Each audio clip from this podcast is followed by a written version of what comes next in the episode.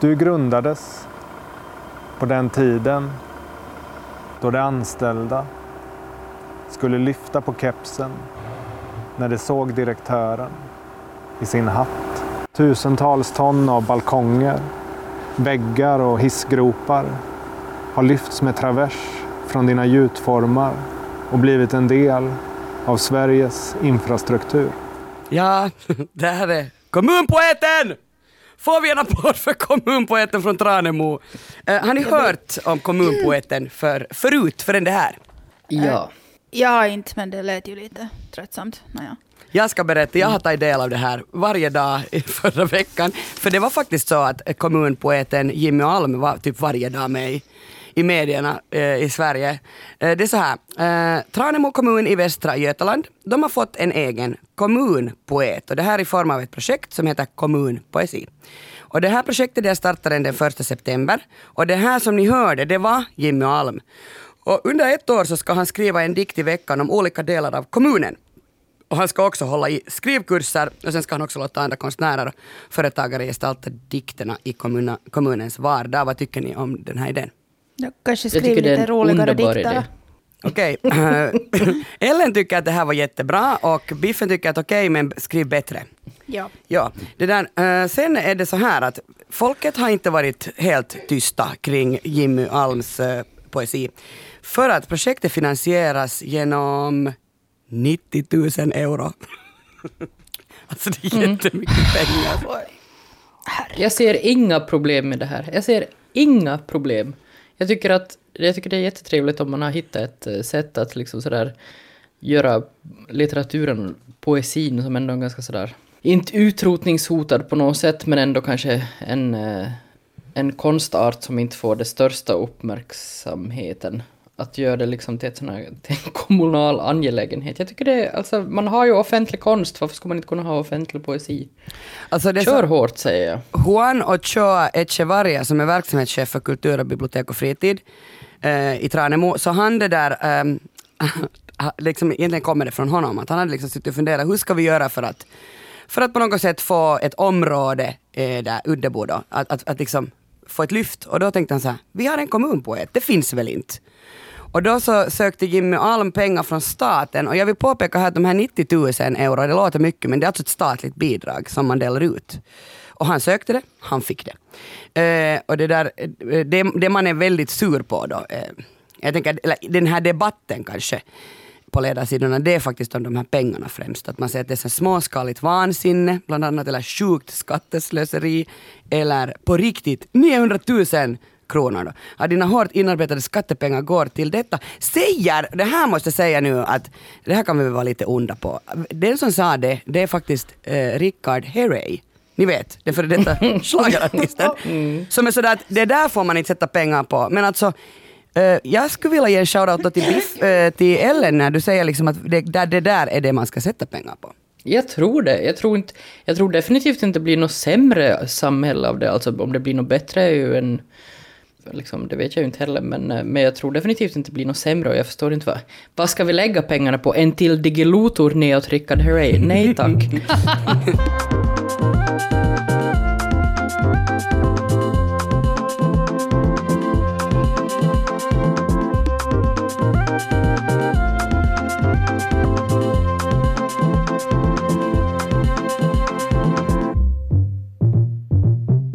Välkommen till sällskapet Kulturpodd med samhällsperspektiv. Jag heter Kia Svetihin och med mig har jag Ellen Strömberg och Biffen Ahonen. Välkomna! Tralala. Ah, Vi börjar med dig Biffen, vad har du tänkt prata om idag?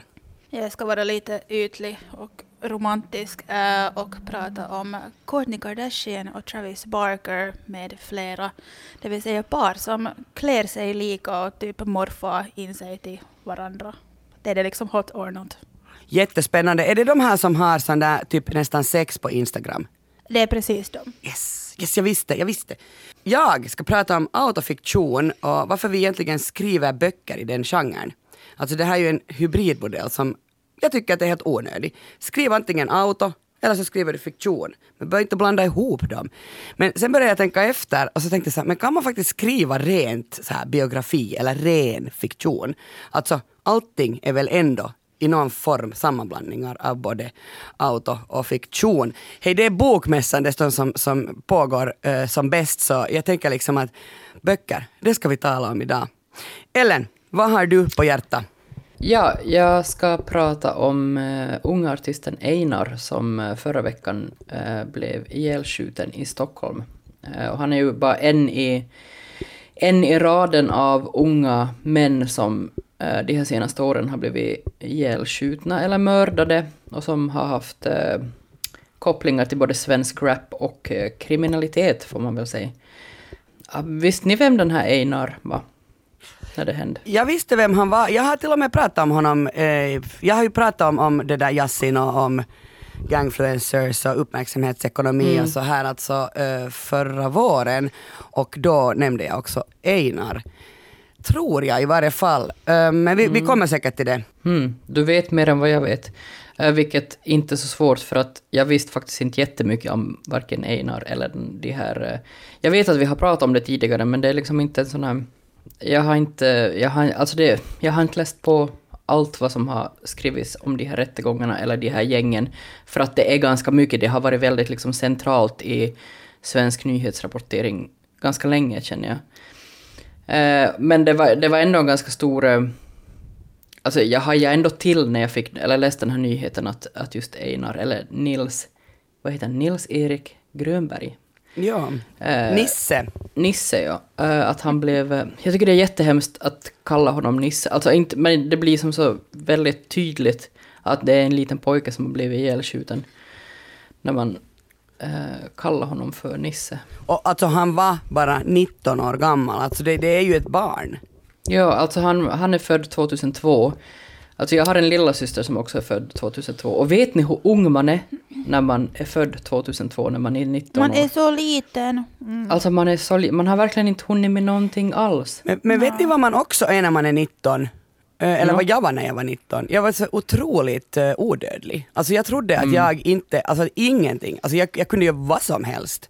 Alltså uh, sådär, bara för att, att jag tänker på att det här var ju faktiskt en avrättning av en mm. 19-åring på öppen Verkligen. gata i liksom, i, inte, inte ens i förorten, utan det, det har ju centrif, det liksom har kommit i centrum. Det, ja, det, det, här alltså, det var väl kanske dels det att Einar faktiskt var kanske en av de här största artisterna som blev ihjälskjuten nu, men också att det skedde i en, en stadsdel som man kanske inte tidigare har förknippat med de här Uh, den här gängkriminaliteten, uh, eller som det var någon sån här uh, partiledare i Sverige som sa att det, det händer bland and I quote, helt vanliga familjer. Mm. Till skillnad från de här familjerna då som bor i de här fattigare förorterna eh, som absolut inte sörjer sina söner på samma sätt eller absolut inte eh, vad heter det, tycker att det här är jobbigt på samma sätt. Utan mm. det behövs en helt vanlig vit medelklassig familj för att förstå.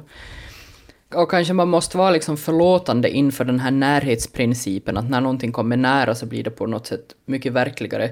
Ja, det är ju samma princip som får typ folk i min ålder här i Österbotten att inte vaccinera sig före folk, liksom före sjukdomsfallen och dödsfallen börjar komma hitåt och inte bara liksom pågår någonstans liksom i, i Italien eller USA eller sådär.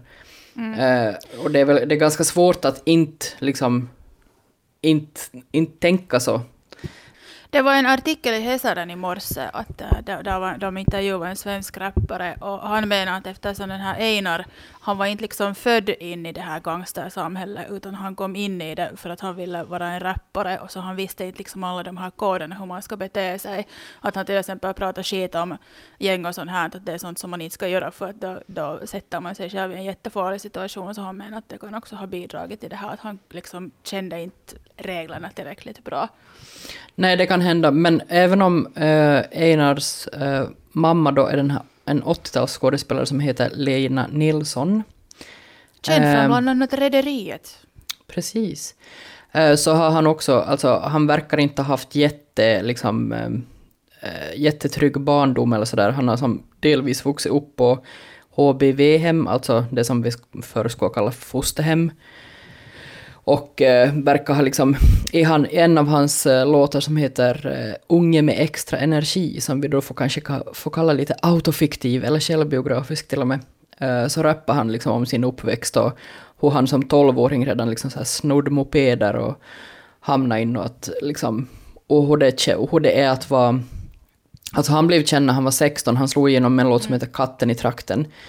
Eh, och den här låten så handlar visserligen om, om en så här vacker tjej, men, eh, men han dedikerade den här låten till en, en tidigare gängledare som hade blivit mördad liksom, ganska nyligen då. Eh, så han var ju liksom inte, ja, han hymlar ju inte var hans lojalitet lo- låg eller sådär. Så jag vet inte om det är det som är då någon slags regelbrott eller vad det är, men men den låten vann också så här årets låt på P3 Guldgalan, alltså en av Sveriges största musikgalor. Och eh, 2020, alltså förra året, så vann han både årets hiphop och årets nykomling på Grammisgalan. Eh, Samma som alltså Yasin vann 2021. mm, Alltså det här är ju samma genre. Jag, jag tänker bara att, alltså, att, att på det sättet är det ju nog eh, det finns här väl en, en viss form av rannsakning som kulturjournalister borde göra, alltså då räknar jag väl mig inklusive. Alltså att, att man borde ha tagit det här mer på allvar. Eller man borde kanske ha s- eh, satt lika mycket tid på att vara upprörd över texterna i de här låtarna som vi alla kulturjournalister satt tid på när Handke fick eh, Nobelpriset. Vet ni, det, det är en skillnad på kultur och kultur. Det är en skillnad på, på, det är också en skillnad på att få Nobelpris i litteratur och på att vinna P3 Guld. Men liksom, men vi har inte liksom brytt oss så jättemycket tänker jag. Det, det, det har inte fått så mycket plats. Vi har tänkt så här, men det är nu något, det är nu hiphop, liksom, typ mm. Ja, och han alltså, bara veckan innan han blev skjuten eller mördad då, eh, så, så släppte han låten Fast här i trakten, som nu förstås har över en miljon eh, hits på Spotify och så. Eh, där han liksom bland annat rappar att man måste vara vaksam om man bor i Stockholm och pow, pow, pow och jag skickar ut tolv skott och liksom sådär. Och det är ganska... Det är liksom inte på något sätt en ovanlig låtrad för att vara Einar eller ens den här genren, men, eh, men de, det ekar ganska sådär kusligt när, liksom en vecka senare. Det, det, det försiggår ett helt intressant, en, en helt intressant kulturdebatt kanske man ska säga. Mm. i, i, i Sverige just nu, där, där Victor Malm har fört ordet och, liksom, och, och gjort lite en avbön. För han var en av dem som på våren prisade Yassins musik. Sen läste han Diamant Salios bok Tills alla dör, blev lite skakad och tänkte oj nej, var det kanske ändå, liksom, fanns det någonting i de här texterna? Var, hade det en viss skillnad ändå vad, vad Yassin sjunger om? Och i och med Einars mord så typ har han gjort avbön och varit sådär, vi borde eh, ha förstått bättre och att liksom, han, alltså han beskyller väl kulturjournalisterna lite? Ja, han tar upp det här bland annat, jag tror han har skrivit en krönika om det, men han tar upp det i en podd som Expressen ger ut, som heter Lägg ut, eh, där han nästan sådär, alltså det är med darr på rösten han pratar om det här, att liksom att han ångrar eh, hur diskussionen fördes, att man borde ha tagit det här på allvar och, och så. Men det ska också sägas att eh, i Aftonbladet så svarar Johannes Björk honom och säger att det handlar inte om att journalisterna liksom inte skulle ha sett bort eller alltså det handlar inte om att journalisterna skulle ha sett bort eller ignorerat det här, men det handlar om att ingen på kultursidorna, alltså att man vet för lite på kultursidorna. Och han föreslår också att man ska rekrytera, alltså han är ganska så här raljerande, men han, han föreslår bland annat att man ska rekrytera till kultursidorna, gärna någon med ett annat efternamn än... En än Ja, men typ... Nej men alltså det, det, den här, eh, Victor Malm var i SVT Aktuellt-studion tillsammans med gangsterrapparen Alex Ceesay Mm. eh, för några dagar sedan. Jag kan ju helt säga att där ser man ju nog skillnaderna. Den här, eh, den här Malm blev liksom helt sådär, alltså att han sa så här bara, jag har aldrig tänkt på det här, jag har aldrig hört på det här. Alltså det blev jättetydligt att inte de pratar med varandra. Och att de inte lyssnar Ja. på varandra. Och, och faktiskt i den här podden du pratar om så där säger Victor Malm också att vi har bevakat Svenska Akademin och Horace Engdahl med större skärpa och kritik än vi har bevakat den svenska gangsterrappen. Och det är kanske där jag också pekar på att för att vi skiljer på kultur och kultur och, och dessutom kan jag nu ändå för, också för att liksom säga emot Victor Malm att inte kan man ju heller, en kulturjournalist kan ju omöjligtvis bevaka allting. Nej, nej alltså jag, jag, det är ju inte Victor Malms personliga fel det här. Han, är, liksom, han får ju vara galjonsfigur för någon slags kulturjournalister. Men, eh, men jag, alltså jag har funderat ganska mycket på det där och det är ju helt sant att man skiljer kultur från kultur, men det handlar ju om att vi sitter som vinnare i, en, i den industri där eh, liksom Einar och hans jämlika blir, alltså dör som arbetare i en industri. Det är en olaglig och svart industri, men det är fortfarande en industri. För att eh, jag såg en ganska sådär eh, alltså galgerolig tweet om det. Det var någon som kallade sig för korvfacet förstås. Eh, som, eh, som skrev liksom så här att folk tycker då att hemskt med ännu en dödsskjutning, kan inte fatta att folk är så inhumana, ledsen smiley.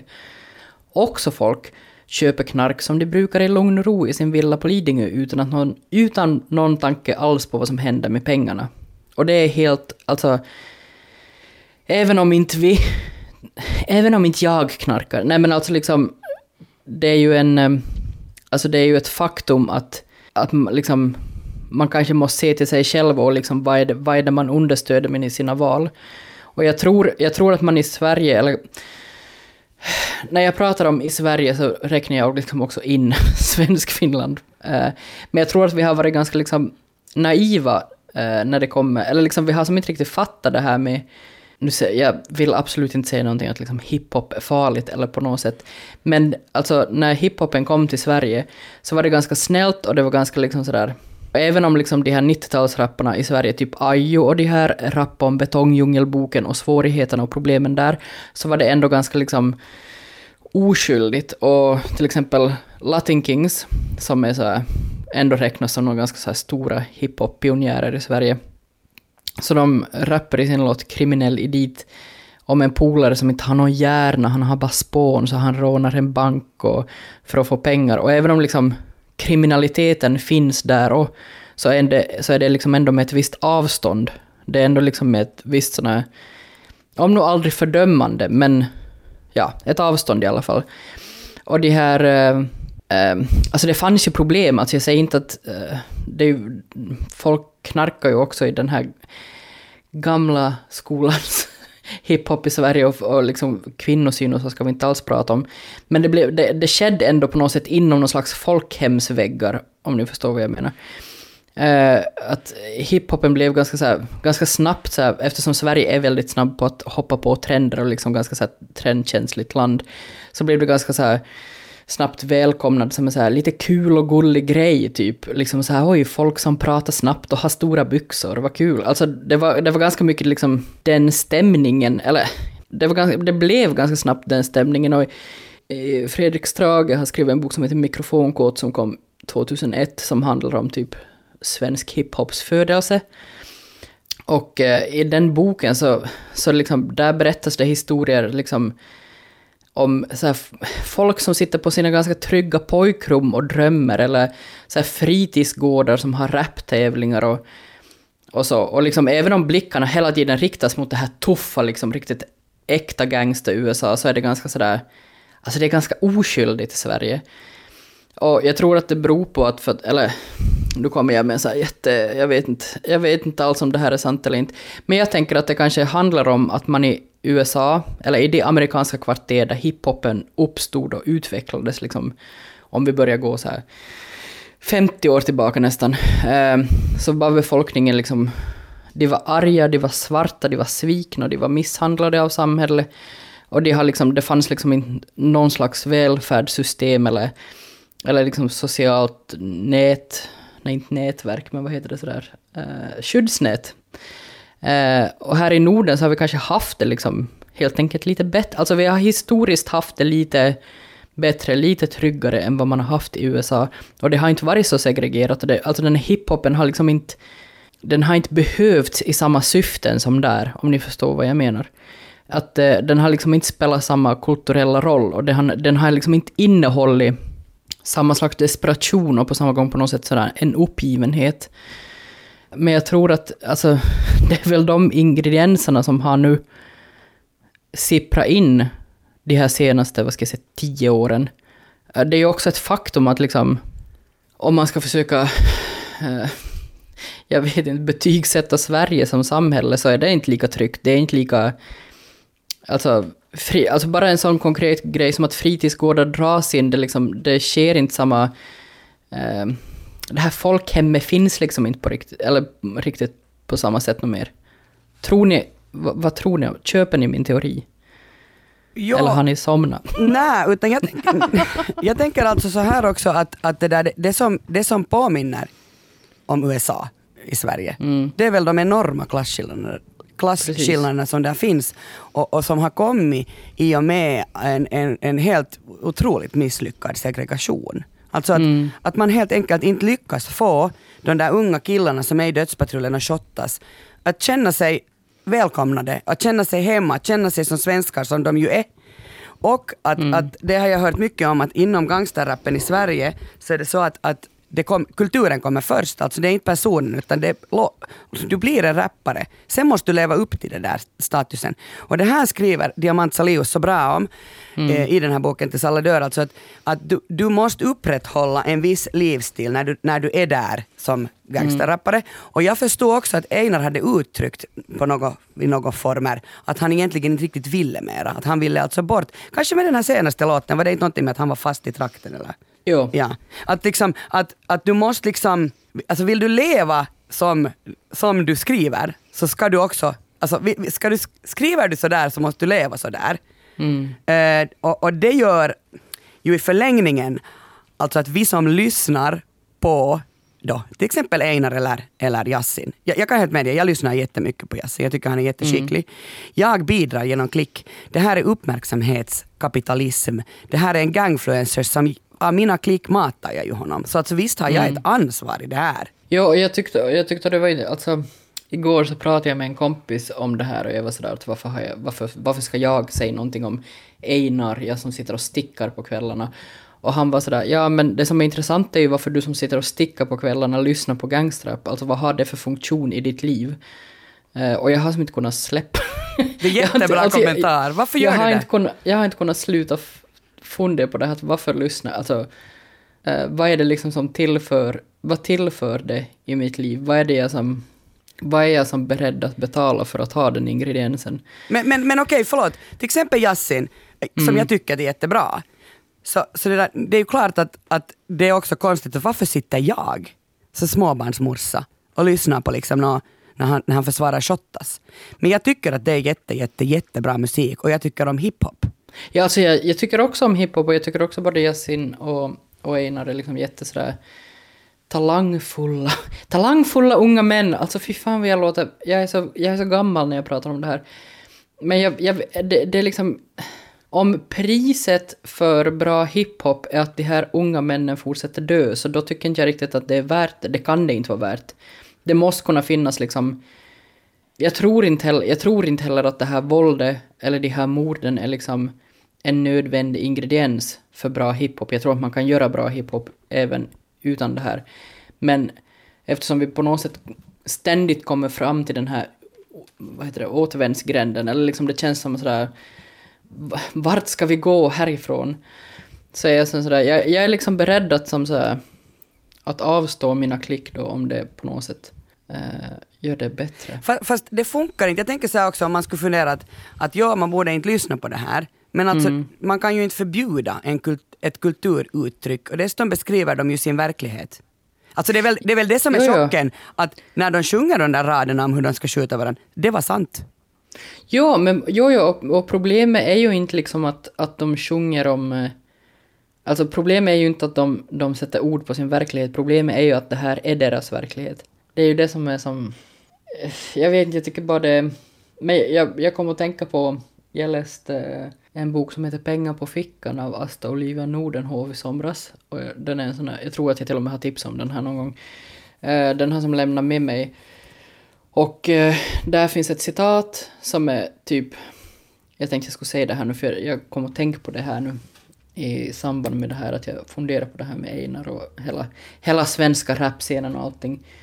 Eh, men där skriver hon att döden är inte ett misstag, det är en del av ordningen. Någon och något måste dö för att någon ska kunna vinna. För att lägga till någonstans måste man dra ifrån någon annanstans. Och det... Eh, jag, jag, jag vet inte, är det så? No, jag tänker alltså så här som att, att, att då, igen vår, vår galjonsfigur Viktor Malm, men alltså att han säger att, att vi har inte gjort vårt jobb, därför måste eh, kriminalreportrar som Diamant Salihu göra jobbet. Men jag mm. håller inte med honom, därför att jag, jag, hoppas verkligen att det är inte jag som gör äh, grävande kriminalreporterns jobb. Utan jag tycker att den är så mångfacetterad. Det här är ett jättestort problem som alltså grundar sig på många olika delar i samhället. Visst, kulturjournalistiken är en del av det här. Vi måste vara mera kritiska, vi måste granska. Eh, men, men sen måste, måste Diamant Salihu få göra det jobb han gör. Eh, och sen alltså skulle man ju hoppas att polisen och samhället och vet, integrering, allt sånt här skulle ju måste fungera. Alltså det, jag tycker att det här är ett så jättemångfacetterat problem. Jo, jag, jag tycker inte heller att det är kul- kulturjournalisters jobb att lösa klassklyftorna eller vad det är som ligger bakom det här. Eh, det tycker jag kanske är lite... Jag, jag undrar då vad var är liksom... Var är politikerna? ja, precis. Ja, nej, nej jag, jag, vet, jag vet faktiskt inte vad jag har mer att säga. Alltså jag tycker att det här är... Det är jättesvårt och det är jätte... sorgligt och jag vet inte heller vad man ska avkräva för ansvar av en själv. Ja, jag, jag säger så här, mitt tips är faktiskt att läsa den här tills alla dör. För alltså den gör att man, att man, alltså man får i varje fall liksom syn på problematiken som finns här. Par som klär sig lika, hot or not. Och ni vet ju alla de här paren som klär sig lika. Kia och Ellen, hur är det med er när ni är ihop med någon? Är det matchande outfits som gäller? Mm, nej. Eller jag vet inte, kanske. Jag är inte bästa... Kanske någon annan skulle säga ja, men jag skulle säga spontant nej. Jag tänker säga ja, alltså jag har ju träffat nu bara din, din man en gång, men, men det där, jag tycker ni, men okej, kanske ni inte klär er lika. Ni påminner om varandra. Jag, jag tyckte att ni hade liksom samma humor och det kanske det som Ja, men det är ju... avspeglar sig. Det är ju- det är ju Klädde liksom- de inte sig lika också då? Nej, det tror jag verkligen inte att vi. Uh, jag måste Jag, fun- jag, fundera. jag, har inte, jag har inte ännu sett Per i någon leopardprint. Så, nej. Exakt. Nej det är sant. Och jag måste fundera, när var jag senast ihop med någon? Det var när jag var så liten att... Nej alltså jag, jag det där antar att ingen, ingen vettig människa vill klä sig som jag gör. Det, alltså, jag, för har jag lite, få- jag har lite samma Tack. som min egen stil. Förstår du mig Biffe? Alltså jag kan bara säga att just Ja. nu så sitter jag här i så här, alltså jag är 41 år gammal vill jag understryka. Jag sitter i så här söndriga jeans för att jag tror att det är coolt. Alltså det här säger min syrra till mig hela tiden såhär, kan du inte bara klä dig som en vuxen? Och jag bara, men jag är inte vuxen. Och sen har jag på mig en sån helt sån oversized eh, eh, college-tröja från 90-talet där det står Hotshot Galliano på. Ah, vill, härligt. ingen vill klä sig som jag. Jag älskar din stil, det är helt härligt. Um, du, har, du har bara inte ännu hittat den där som vill klä sig likadant som du. Tack Hot Shot Biffe. Galliano. Tack. Ja. Synd att jag inte letar heller. Ja, det är ju det, det är ju det. Men anyways, uh, kändisars kärleksliv är ju, är ju någonting som alltid intresserar oss vanliga drönare. Och ingen har väl undgått nu att årets största romanser är mellan skådisen Megan Fox och sångaren Machine Gun Kelly samt Kourtney Kardashian, en Kardashian och trummisen Travis Barker. Och det faktum att de klär sig väldigt lika, som goth kids på väg till sin första My Chemical Romance-gejka för att vara specifik. Eh, att par klär sig lika är inget nytt. Studier visar att ungefär sex månader in i en relation så börjar par omedvetet härma varandras stil för att signalera till utomstående att vi hör ihop eller snarare vi är i samma kult. Och här har vi ju ett legendariskt exempel när Britney Spears och Justin Timberlake gjorde alla tiders double denim och kom till året 2001. American Music Awards iklädda matchande denim-utstyrsel. Jag vet att ni ser det här framför er. Justin hade en kostym och Stetson gjord av denim. Britton Mm. hade någon slags ärmlös balklänning gjord av jeanstyg med en matchande denimkvällsväska. Mums. Uh, åh, det är så fult. Uh, och och vem, vem minns inte David och Victoria Beckham i sina tajta matchande Versace-läderkostymer en fager nyårskväll 1999? Psykologin är ju just så att par klär sig lika så att man ska fatta att hålla tassarna borta. Och här har det säkert funkat ganska bra för de såg säkert så galna ut att ingen ens ville prata med dem på hela Jag kvällen. tänkte ju säga, har inte David Beckham varit liksom så här notoriskt otrogen mot Victoria Beckham, så det har väl inte... Ja, Det har väl funkat sådär. Det, oj nej. Så, ja, så det, det finns liksom cracks in the theory. Oj nej, stack, stackars henne. Eh, eh, men, men ibland så kan det gå för långt. Och istället för att klä sig lika så kan det vara att den ena parten börjar klä sig helt som den andra och förlorar sin egen identitet. Och Brad Pitt han är riktigt känd för att vara en liten creepy kameleont när det gäller relationer och stil. Han byter till och med frisyr enligt vem han dejtar. Och när man googlar Brad Pitt dresses like his girlfriends så framstår han som en total psykopat. Vi lägger länken sen i informationen så att ni alla kan gå och vara förskräckta över det här för att liksom det är helt det är så creepy. Eh, han har liksom ingen egen stil, det är helt jättesär. Eh, och sen har vi då vår kära Kim Kardashian som vi måste nämna i varje episod. Eh, så hon ändrar hela sin stil för att matcha dåvarande maken Kanye West som dessutom slängde ut hennes garderob och köpte helt nya kläder åt henne när de flyttade ihop. Det är lite sådär hello, red flag, anyone? Jag skulle bli så sur. Jag skulle, Jag skulle också bli jag så skulle sur. slut. Jag skulle vara såhär, nej. Samma här. Jag säger nej Samma till här. dig, Kanye. Samma här. Alltså, Alltså jag skulle ihåg, låta, nu jag tycker Kanye har jättebra stilkänsla. Jag skulle låta honom slänga ut min garderob och ge mig en ny, men jag skulle inte vilja vara ihop med honom. Men om han bara sådär vill styla om mig så varsågod. Mm, ja, det där skulle jag också kunna gå med på. Men alltså jag minns äh, en min kompis, han, han, här, han, jag hade en sån här t-skjorta som jag verkligen älskar. Ni vet 80-tals heavyband Cinderella, så jag hade köpt en sån t-skjorta från Kirpis. Jag tyckte att den var så här ascool, men han tyckte att den var helt äcklig och den luktade illa och den var söndrig och han skämdes varje gång när jag hade den på mig. Så en gång när vi satt hemma hos mig och drack vin så hade han tagit den där t-skjortan och kastat den roskisen i smyg. Och sen jag var sådär att varför hittade jag den där t-skjortan någonstans? Så efter flera månader så medgav han vad han hade gjort. Jag, var så, jag är ännu också jättearg på honom, 20 år senare. Men alltså Det jag helt tycker, som- jag tycker inte att, att, att sambor får, eh, eller pojkvänner eller flickvänner, partners, får överhuvudtaget blanda sig i hur man klär sig. Alltså vadå? Antingen köper man hela paketet eller sen köper man inte paketet alls. Exakt, exakt, exakt. Jag har vet ni en bekant som när hennes man får på arbetsresa så får hon till Kirppis och sålde alla, alla hans kläder som hon inte tyckte om. Alltså, men, men alltså, och ändå är de tillsammans ännu.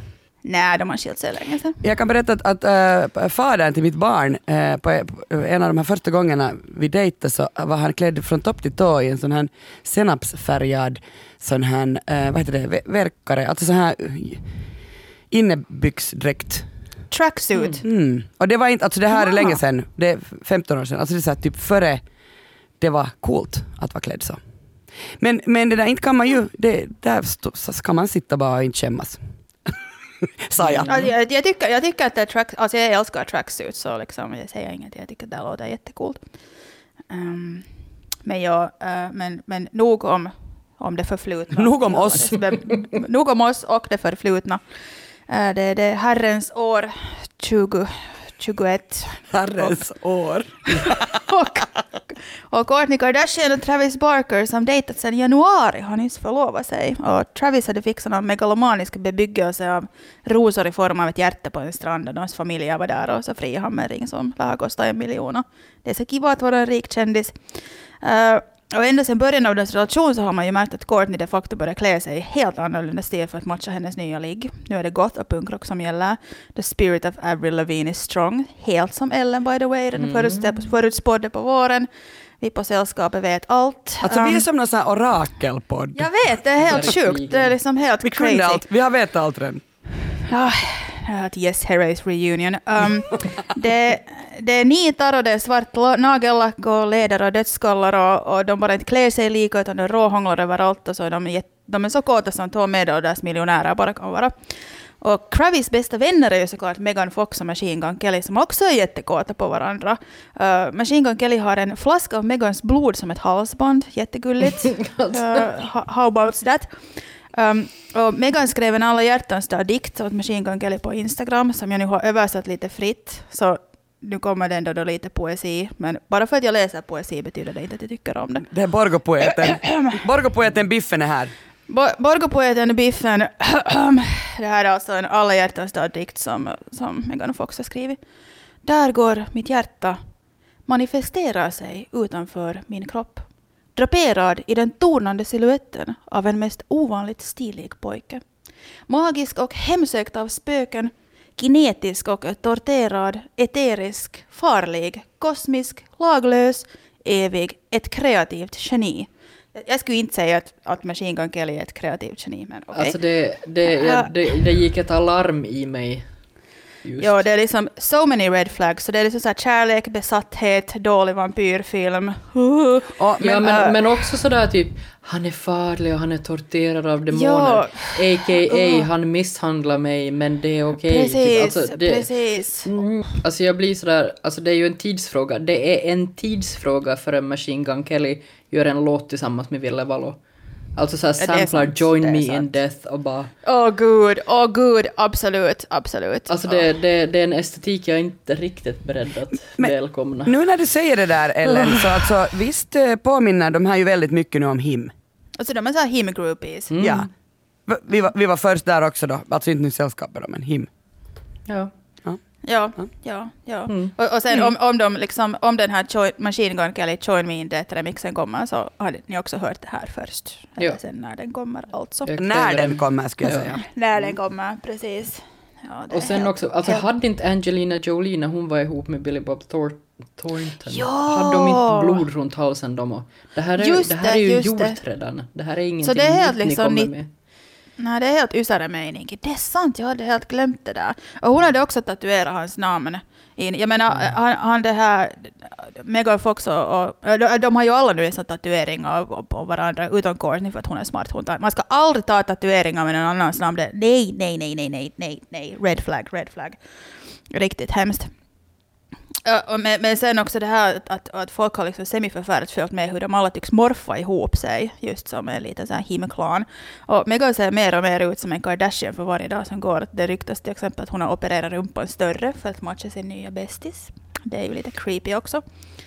Eh, de och gjorde ju Machine, Förlåt att jag avbryter hela tiden, men de gjorde ju någon kampanj, Meghan och Courtney, var det för Skims? Just det, just det. Där de det typ sant. ser precis likadana ut och typ mer eller mindre ligger och hånglar med något körsbär Ja. runt omkring sig eller någonting som också är sådär Ja, wow, det, jag behöver inse det här. nej, det är också så cringe. Det, det, Hej, f- vad heter det där att, att man hånglar på, på, in, på Instagram typ? Att man hånglar på Some? att hångla. Det, det har någon sån här, det är sån- det är sån här nytt trendigt namn. Men, för jag funderar på det där med att, att, att liksom, är det, är det en ny trend alltså att man vill, att man så, så här, hånglar med sin pojkvän eller flickvän och så sätter man ut det? Jag vet inte. Alltså jag har nog inte sett det någon annanstans än Ko- alltså, Kravis. Nej. Och, och, ja, alltså och Megan Ja. Fox. Alltså jag kommer ihåg någon gång liksom typ 2008 när jag hade min blogg som faktiskt var relativt populär. Så där, då, då, då var jag ihop med jappe som är jättekär i och vi satte upp en massa fula hångelbilder och jag tyckte att det var jättecoolt men nu när jag tänker på det så jag skäms så mycket. Det är alltid den där bloggen deletad för länge sedan. Det är liksom ingenting finns på Google så liksom forget it. Men Men du ska Jag vet skämmas, kanske du är bara en föregångare det är sant, det är sant. Men det känns alltid liksom sådär när folk sätter upp sådana överdrivna bilder på Some att de mera vill liksom säga åt sig själva att det här är riktigt och det här kommer att hålla. Att jag, jag tycker att det signalerar mera osäkerhet än att liksom säga att äh, För att jag menar om, man, om, om du sitter och hånglar med någon så är det nu inte lite sådär vettigt. hej sorry att jag tar nu fram telefonen, kan vi göra några stories medan vi hånglar? Så, det, det, nej! Nej! Det, det är ju helt jätteoromantiskt. Man skulle ju bli störd. Nu måste jag få Jag. äh, avbryta och berätta att det heter Horny on Main. Och Ah. horny on Main det det betyder? ja, är, liksom att man just po- postar eh, när man hånglar. Och så är horny Mm. på, på sin partner och sätter man ut det. Alltså sånt som Biffen då tydligen har hållit på med. Precis, det, var- det var länge sedan. Du och Megan Fox. Jag och... Borgos Megan Fox. Men anywho, så det, jag tycker att det, det här är också lite ulterior motives eftersom Machine Gun Kelly och Travis Barker så de jobbar ju ihop. Och i augusti så gav de ut deras första gemensamma singel Paper Cuts. Så det är ganska fucking bekvämt att båda är överdrivet hypade förhållanden just när det nalkas single release. För det är så att hur intressant är det att gå och kolla på Machine Gun Kelly skejka med någon trummis vars band var stort på 90-talet? Eh. Men hur coolt är det inte att gå och kolla på Machine Gun Kellys skejka med någon trummis vars band var stort på 90-talet och kanske se deras megakända flickvänner i publiken? Och främst just det Courtney för ingenting säljer som en Kardashian. För att hur många små Kardashian-älskare tonåringar har nu inte börjat lyssna på Blink-182 på grund av all hångel, hype eller main horny? Ja, och jag såg också att typ Travis Barkers barn, alltså de, Mm. eh, jag råkade stöta på dem på min For You-page på TikTok. Eh, att de hade lagt ut TikToks, bara så här, alltså helt oregisserade, bara så här, oj vi filmar när vi sitter och äter och så är Kourtney Kardashian där och typ vinkar åt kameran och det hade typ så här 10 miljoner likes. Så att, eh, Exakt, exakt. Ja. Det, det är lite, det känns liksom just lite, det, det känns sjukt utfunderat att de sätter upp sina överdrivna kärleksdeklarationer på sociala medier, de går halvnakna på fest, skriker ut sin odöende och matchande kärlek till höger och vänster. Och sen är det sådär, tänk att det alltid bara råkar vara en fotograf gömd någonstans på vässan eller i rosenbuskarna på stranden. Det är så att, nej men hej, är du här, kan du ta lite bilder? Eh, uh, mellannot, är jag en cynisk gammelpiga? Absolut. Ni får gärna skriva in och kommentera. Tror ni att ovannämnda romanser är fejkade mediestunter eller the real deal? Uh, men, men ta till exempel Lina Dunham, som inte klär sig som sina pojkvänner. Hon har också just gift sig, men ingen visste inte ens liksom att hon var ihop med någon, för hon ville hålla det privat, för det angår inte någon. Uh, så summa summarum, att klä sig lika är okej, okay, men om den ena börjar köra single white female på den andra, eller ännu värre använda en Stetson av denim, då är det dags att bli lite rädd. Jag har läst eh, boken Motborgare av författaren Otto Gabrielsson. Eh, ni kommer kanske ihåg honom? Jörn Donners oönskade son. Mm. Ja. Mm. För ett år sedan på våren 2020 så kom han med sin debut, Vildhavre sista brevet till pappa. Och det här var då ett öppet brev till hans pappa Jörn Donner. Otto har hela sitt liv känt sig förskjuten av sin pappa. Det här alltså med all rätt för att Jörn Donner kallar öppet honom för ett misstag. No, den här nya boken Motborgare det är också skriven i brevform, men nu handlar den om att skriva ut sig ur samhället. Eh, det är så att eh, Otto har blivit en motborgare istället för en medborgare. Och efter att ha studerat i 20 år då så bestämmer sig den här 39-åringen för att skaffa ett jobb. Så den här boken är ett personligt brev, men också en biografisk dokumentation av hans liv under ett år. Eh, uh, no, sen träffade jag Otto för att intervjua honom för en tid sedan det enda jag tänkte på när jag intervjuade honom var det, hur han luktar, hans alkoholproblem, hans hemorrojder i röven, uh, hur sällan han egentligen tvättar sig, hur det ser ut när han spyr. Uh, och allt det här kommer alltså ordagrant från hans bok. Och, mm. och, han skriver alltså inte autofiktion, för att han gillar inte begreppet autofiktion. Alltså han, han säger så här, att uh, göra en beskrivning av verkligheten är det han vill göra och då blir det subjektivt och därför är den sann, alltså för honom. Och han säger då liksom att han kan ge åt andra friheten att tolka verkligheten på ett annat sätt. Den subjektiva bilden av verkligheten är alltid sann, men den varierar och tillsammans kan vi då göra en objektiv bild av verkligheten. Förstår ni liksom vad, vad, vad han vill mm. säga? Alltså att, att det blir liksom, den är ändå subjektiv för att det är han som har skrivit hur han upplever sig själv. Nåja. Sammanblandningen då mellan fiktion och det självbiografiska är onödig. Uh, det gör att läsaren inte vet vad som är fiktion och vad som är självbiografiskt. Och därför är det bättre då att ha ren fiktion och rent självbiografiskt berättande. Jag vet inte, håller ni med om det? Alltså... Man ska inte blanda ihop dem.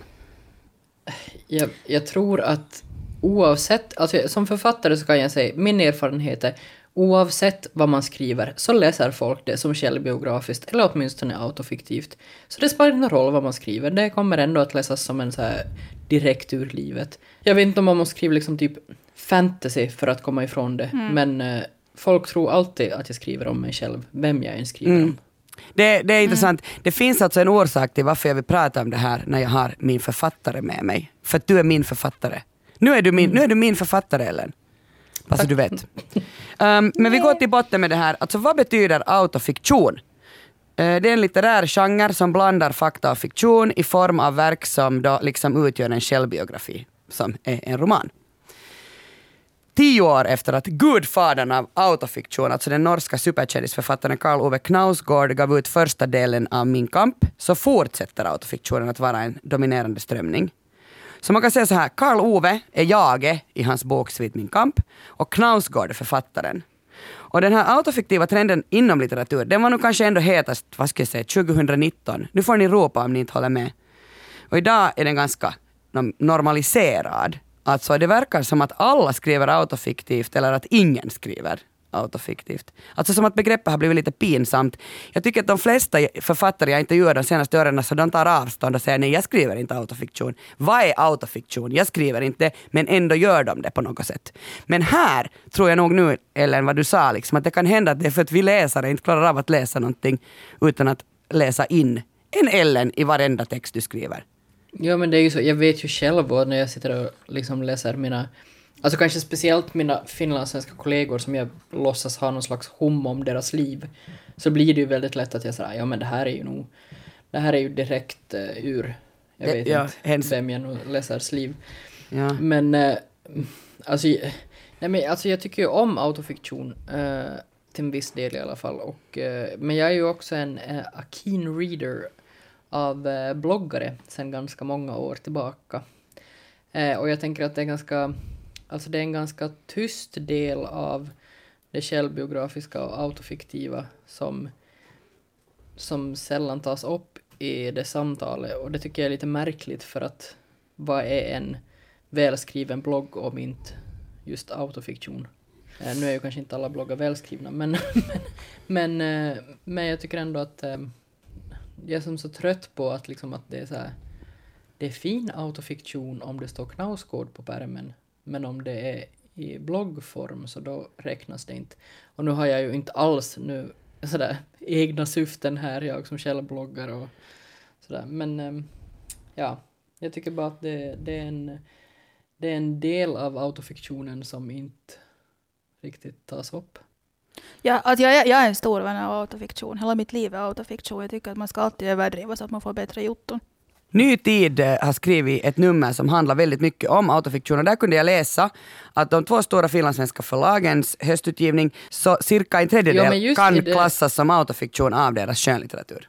Jag reagerar på det där numret för att eh, min kompis Wayne Trans bok Skugga och svalka var under det här autofiktion-delen av tidningen och som jag har förstått det är nog den helt skönlitterär. Så att eh, jag vet inte, där är väl också en sån där, hur läser vi egentligen skönlitteratur? Och vem är det som bestämmer liksom, alltså, att, är, det, är, det, är det förlagschefen som är så här att det här är autofiktion, det här är inte? Nåja, I, i, I våras läste jag Elsa Kemppainens Riesling och mjölk. Den kändes ju väldigt självupplevd då. Och i höst har jag läst Martina Molis Mellbergs eh, Pisces Season som handlar om olycklig kärlek. Den blev superpersonlig och jag tyckte faktiskt att det var som att tjuvläsa Martinas dagbok nästan. Men Ellen, eh, som författare, är det enklare att skriva alltså utgående från sig själv eller hur, hur, hur gör man? Alltså enklare och enklare, jag vet inte, alltså i någon mån lägger man väl alltid in egna känslor och upplevelser. Jag vet inte, jag tycker bara som att det är en lite sån sådär... På sätt och vis skulle det många gånger vara riktigt skönt att ge ut böcker anonymt. Eh, just för att liksom, speciellt i små kretsar så folk läser alltid in precis vad de vill. Men det är ju också en tröst, alltså det är få gånger jag har liksom använt mig av till exempel så äh, existerande förlagor till karaktärer i mina böcker och så, så är det ingen som har känt igen någon. Men alltid de gånger när jag har liksom helt så här blandat ihop och det är bara som ett så här sammelsurium av människor och upplevelser runt omkring mig. Så då, eh, då är det någon som säger visst är det här hon där? Och man bara nej. Folk har så jävla dålig självinsikt eh, och sådär. Och så det, det kan man ju som författare ta som tröst att det är liksom eh, folk känner aldrig igen sig där de borde. Där- där de borde göra känner det, ja. alltid igen Mm. sig, känner alltid igen sig där de inte har någon plats. För, för så här var, alltså den litteratur som idag presenteras och som vi läser som autofiktion kan man ju också beskriva som romaner nära det egna livet. Och de kunde man väl lika gärna läsa som traditionell romankonst. Alltså det som vi, vi redan liksom sa, att det handlar om hur folk läser. Skitsamma om det är sant eller inte. På något sätt. Mm. Äh, men alltså för att begreppet autofiktion ska ha någonting att tillföra så krävs inte enbart då att texten befinner sig nära det egna livet utan att den här närheten är en avgörande betydelse för texten som sådan. Okej? Till skillnad från självbiografin är det autofiktiva verket inte intressant för att det avslöjar något specifikt om jaget utan det, det använder det specifika jaget för att bättre kunna berätta något intressant, tänker jag. Mm. Hmm. Men alltså, verkligheten överträffar ju alltid det fiktiva, så heter det ju. Och ett sådant autofiktivt skrivande, eller då självbiografiskt med litterära friheter, så vinner en del av sin trovärdighet då just genom kopplingen till det verkligt upplevda. Alltså det här är faktiskt en konkret genomlevd erfarenhet. Därför känns den extra sann på något sätt. Min kollega litteraturredaktör Marit Lindqvist hon skrev alltså en essä om det här då flera år sedan, 2019 kanske när autofiktionen var som störst. Och det där, jag läste den essän igen och där, där fick jag mig lite historia. Märta Tikkanen, Birgitta Bucht, Merete Mazzarella, de debuterade alla tre som författare på 70-talet. Och då pratar man jättemycket om att det privata är politiskt. De skrev böcker med starka politiska och samhällsengagerande budskap. Och också då alltså Märta Tikkanens man, Henrik Tikkanen, eller Christer Kielman, vars självbiografiska böcker väckte så jättestor uppmärksamhet. Alltså, aldrig tidigare hade någon finlandssvensk författare skrivit så öppet om alkoholmissbruk, homosexualitet, äktenskapsproblem, eh, som till exempel då Christer Kielman gjorde, eller liksom ingen hade gått åt så hårt borgerlighetens förljugna fasader då, som Henrik Tikkanen gjorde, skriver Marit. Och många av de här böckerna är ju alltså levande klassiker idag. Och på 70-talet så sa man att det här var självbekännelselitteratur. Och idag talar man om autofiktion som verklighetslitteratur. Alltså det här gör man i Norge. Jag tänker liksom att det är ju egentligen samma sak. Alltså det här 70-talet går igen, alltså de här trenderna går bara igen. Autofiktionen skrevs redan liksom tidigare. Mm. Ett verk som är mer eller mindre uttalat baserat på verkligheten, så det, det tolkas ju alltså på olika sätt beroende på vems sanning och vems historia det är. Och I Norge har då flera författare under senare år råkat liksom i hetluften. Och när deras fiktiva, man säger att det här är ett fiktivt verk, det har kommit ut, så är man där och lusläser det med förstoringsglas och märkpenna. Jag ska ge åt er ett exempel. Norska författaren Vigdis Hjort, uh, hon kom med boken Arva miljö 2016. Har ni läst den? Ja. Nej. No, den handlar om en kvinna som när pappan dör bestämmer hon sig för att inte tiga längre och den här pappan har då en gång ut, äh, att pappan då har utsatt flickan för sexuella övergrepp. Första tiden efter utgivningen av den här romanen så blev den omskriven i mer än hundra artiklar om dagen i norska tidningar. Och Vigdis... Alltså finns det så mycket tidningar i Norge? Ja, så de får som, ihop till hundra artiklar? Nej men det är som Einar, det har nog skrivits hundra artiklar tycker jag om honom per dag. Okay. Vigdis syster juristen Helga Hjort, hon kom raskt med motboken Fri vilja och där skrev hon Pappa är oskyldig, men annars sa hon att med det mesta annat i arv och miljö är helt sant. Och det här gjorde alltså situationen lite problematisk för Vigdis. För hon hade ju alltså sagt från början att det här är en roman. Det här är inte självbiografi, det här är fiktion.